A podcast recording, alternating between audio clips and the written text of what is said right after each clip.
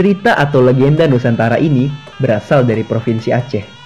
Cerita ini mengisahkan mengenai asal mula Alue Naga. Alue Naga, apa sih itu? Ya, Alue Naga merupakan salah satu gampong yang ada di Kecamatan Siah Kuala, Kota Banda Aceh, Provinsi Aceh, Indonesia. Jadi, cerita ini tidak lain memang mengisahkan suatu daerah di Aceh yang berkaitan dengan makhluk besar yang disebut dengan naga. Pada suatu hari, di sebuah kerajaan Aceh, Sultan Maurah, pemimpin kerajaan tersebut, mendapati sebuah kabar tentang keresahan rakyatnya di suatu wilayah. Lalu beliau mengunjungi wilayah tersebut, yakni sebuah desa di pinggiran Kutaraja, untuk mengetahui lebih lanjut keluhan rakyat-rakyatnya. Tuanku, banyak ternak kami raib saat berada di Bukit Ramyong. Terkadang bukit itu menyebabkan gempa bumi, sehingga sering terjadi longsor dan membahayakan orang yang kebetulan lewat di bawahnya. Sejak kapan kejadian itu? Sudah lama, tuanku. Menjelang hayahanda tuanku mangkat Sesampai di istana, Sultan memanggil sahabatnya, Renggali, adik dari Raja Lingemude. Dari dulu aku heran dengan bukit di Lamyong itu. Mengapa ada bukit memanjang di sana? Padahal di sekitarnya rawa-rawa yang selalu berair. Kata Sultan Murah. Hmm, Menurut cerita orang tua, bukit itu tiba-tiba muncul pada suatu malam. Abang hamba, Raja Lingemude, curiga akan bukit itu saat pertama kali ke Raja, Seolah-olah bukit itu memanggilnya. Jelas Renggali. Cobalah engkau cari tahu, ada apa sebenarnya dengan bukit itu?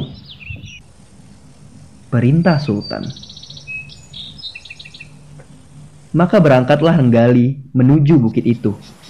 Dia menelusuri setiap jengkal dan sisi bukit tersebut, mulai dari pinggir laut di utara sampai ke sisi selatan. Bukit yang aneh, sungguh aneh. Bisik Renggali dalam hati. Kemudian Renggali mendaki bagian yang lebih tinggi dan berdiri di atasnya. Tiba-tiba dari bawah kakinya mengalir air yang hangat. Renggali kaget dan melompat ke bawah sambil berguling. Maafkan hamba, putra Raja Linge. Maafkan hamba. Tiba-tiba, bukit yang tadi dipijaknya bersuara. Renggali kaget dan segera bersiap-siap. Siapa? Siapa engkau? Teriaknya Air yang mengalir semakin banyak dari bukit itu membasahi kakinya. Hamba naga sahabat ayahmu. Terdengar jawaban dari bukit itu, diikuti suara gemuruh. Renggali sangat kaget, dan jika diperhatikan dengan seksama, bukit itu yang berbentuk kepala ular raksasa, walaupun dipenuhi semak belukar dan pepohonan, Engkaukah itu? Lalu, di mana ayahku? Tanya Renggali saat air yang mengalir semakin banyak dan mengenangi kaki Renggali. Panggillah Sultan Alam. Hamba akan membuat sebuah pengakuan. Isak bukit tersebut. Maka buru-buru Renggali pergi dari tempat aneh tersebut. Sampai di istana, hari pun sudah gelap. Renggali menceritakan kejadian aneh tersebut kepada Sultan. Itukah naga hijau? Naga hijau yang menghilang bersama dengan ayahmu. Mengapa dia ingin menemui ayahku? Apakah dia belum tahu bahwa Sultan sudah mangkat? Tanya Sultan Murah penasaran. Maka berangkatlah mereka berdua ke bukit itu. Sesampai di sana, tiba-tiba bukit itu bergemuruh. Mengapa Sultan Alam tidak datang? Mengapa? Suara dari bukit. Beliau sudah lama mangkat. Sudah lama sekali. Mengapa keadaanmu seperti ini naga hijau? Kami mengira engkau telah kembali ke negerimu. Lalu, di mana Raja Linge? Tanya Sultan Murah.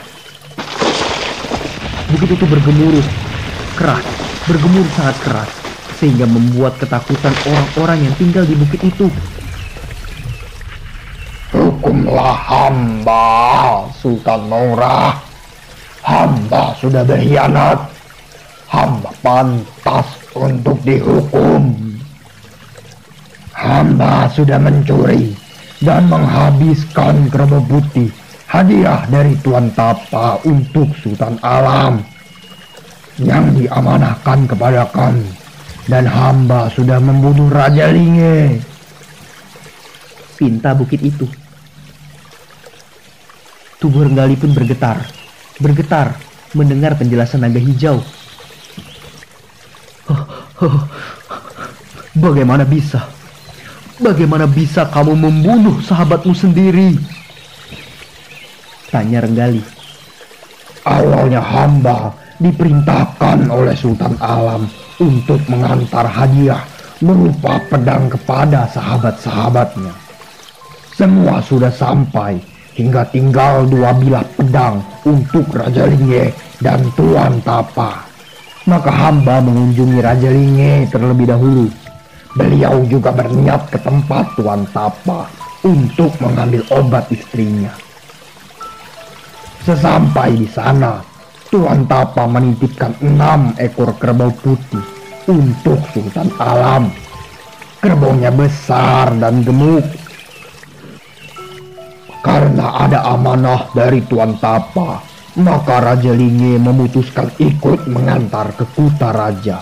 Karena itu kami kembali ke Linge untuk mengantar obat istrinya. Namun, di sepanjang jalan hamba tergiur ingin menyantap daging kerbau putih tersebut.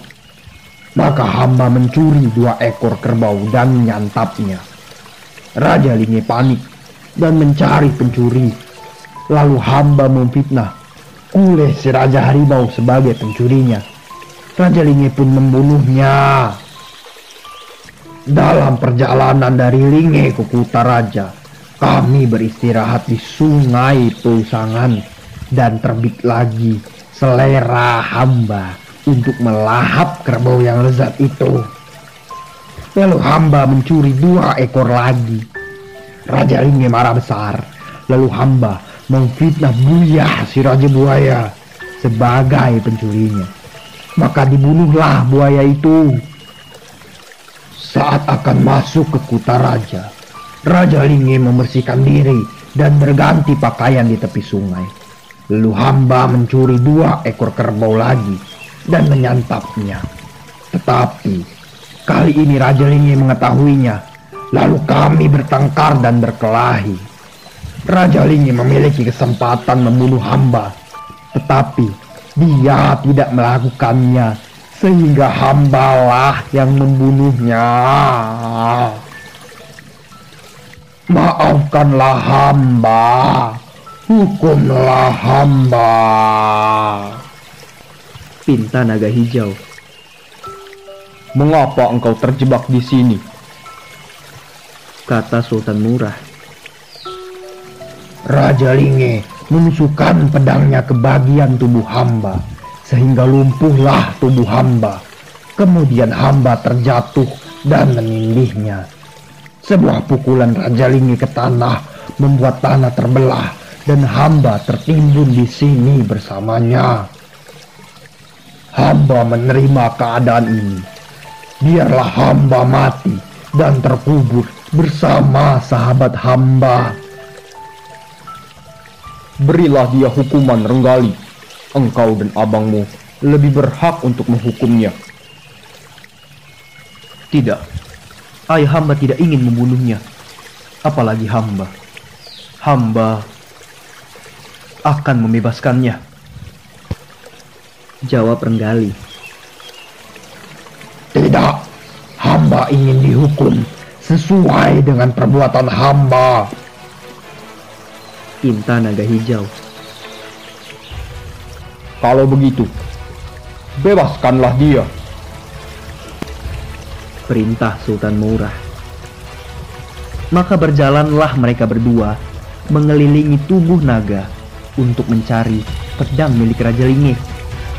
Setelah menemukannya, Renggali pun menarik dengan kuat dan terlepaslah pedang tersebut. Namun, naga hijau tetap tidak mau bergerak. Hukumlah hamba, Sultan Murah. Hukumlah hamba. Pinta sang naga. Sudah cukup hukuman yang kamu terima dari Raja Linge. Putranya sudah membebaskanmu. Pergilah, pergilah ke negerimu. Perintah Sultan Murah.